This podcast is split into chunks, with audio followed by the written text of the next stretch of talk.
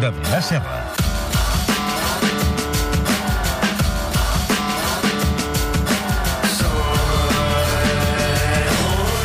Adrià Serra, que mires, Què tal? que mires el rellotge. Mirava el rellotge. Eh, puc- abans de començar una cosa.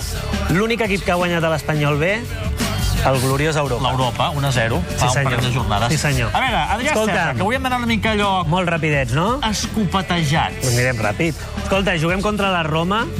Doncs jo parlo de l'altre equip de la ciutat. De Lazio. La Lazio. Què li la passa a la Lazio. Lazio? La Lazio té un equip mític, el primer equip que guanya l'Scudetto amb la Lazio, que és un equip que, atenció, a principis dels 70 estava a segona divisió, Sèrie B, fitxa a Tommaso Maestrelli, un entrenador, i a Quinaglia, un davanter centre, i aquell mateix any puja a Sèrie A.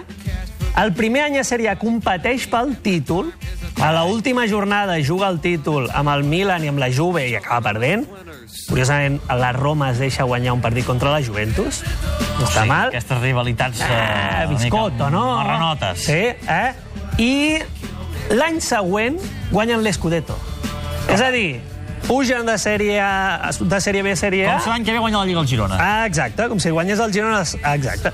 Tu dius, home, per això ja, ja és mític, aquest equip. Primer Scudetto de la història Home, de la Lazio, tal. bé. Però és que aquest equip no és conegut per això. Aquest, què conegut, aquest equip és conegut com la Lazio de les pistoles, no De les la Lazio de l'Scudetto. La Lazio de les pistoles. De les pistoles. Primera cosa que hem de saber d'aquest equip. Tu dius, home, per guanyar, els equips sempre necessiten estar units. No? Ser una pinya, el vestidor, Ajudar, tots a una, etc. Aquest equip estava completament dividit. Dividit, però per una meitat. És a dir, tan dividit que s'havien de canviar en dos vestidors diferents. Què dius? Estaven tan enfadats entre ells. Hi havia, per una banda, els amics de Quinaglia, que era un personatge, i per l'altra banda, els, els amics de Receconi i, sobretot, de Luigi Martini. Atenció, Quinaglia i Martini, tots dos uns feixistes de mucho cuidado d'aquests anys 70. Eh? Eh? La Lazio sempre ha tingut Sempre ha tingut molta reminiscència, relació amb el feixisme a la Lazio. Uns perles.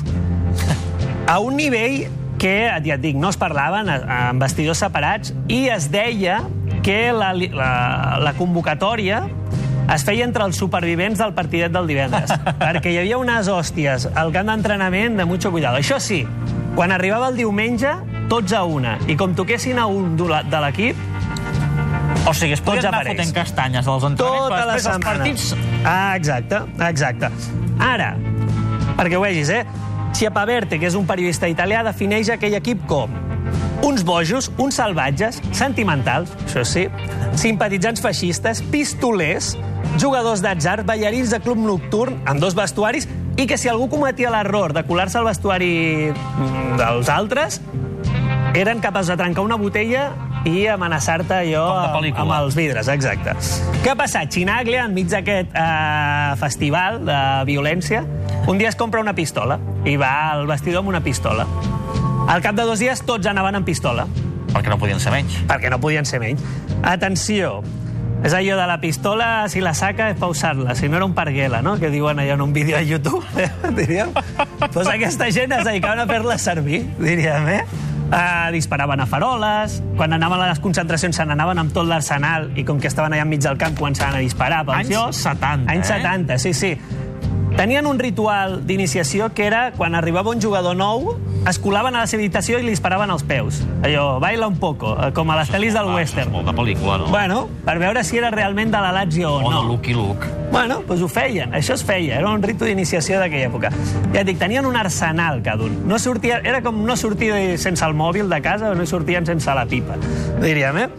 Tot s'acaba un dia que disparen i va parar a una escola de sords-muts i quasi pelen a un pobre xaval. Vull dir, Home. que aquí la carabinieri van dir prou, vale? Finito. Sí, aquest equip ja et dic, amb, tots els problemes, amb tota la divisió, amb tota la violència, amb tot lo tarats que estaven, que eren molt tarats, guanya l'Scudetto. Ara, tan ràpid com eh, ascendeix l'equip, se'n va a la merda, diríem també. Què passa? Maestrelli, eh, que era l'entrenador, era l'únic que mantenia a l'equip unit, pateix un càncer de fetge, ha de deixar la banqueta i mor al cap de dos anys. Eh, Chinaglia, que era com un dels puntals, marxa al Cosmos a Pelé. allà es converteix en una mega estrella, no? sí, però la, la cosa més bèstia és Receconi, que era, a més, dels pocs que no anava armat, en una nit amb un altre company, Guedin, entren a una joieria, fan, es diu que fan una broma de esto es un atraco i tal, el joier gira i els hi fot dos trets i mata a Receconi. Aquest és, aquesta és l'explicació. Jugadors de la Lazio, eh? Receconi internacional.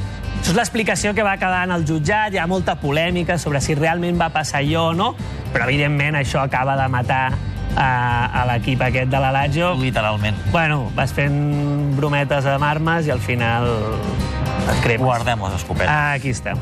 Adrià Serra, moltes gràcies. Uh, M'agrada molt el concepte parguela, eh? Parguela. Sí, senyor. parguela què és? Eh, bueno, busqueu, són Los Pistoleros del Eclipse. És un vídeo de YouTube. No va armat l'Albert Aguilera. Bona nit.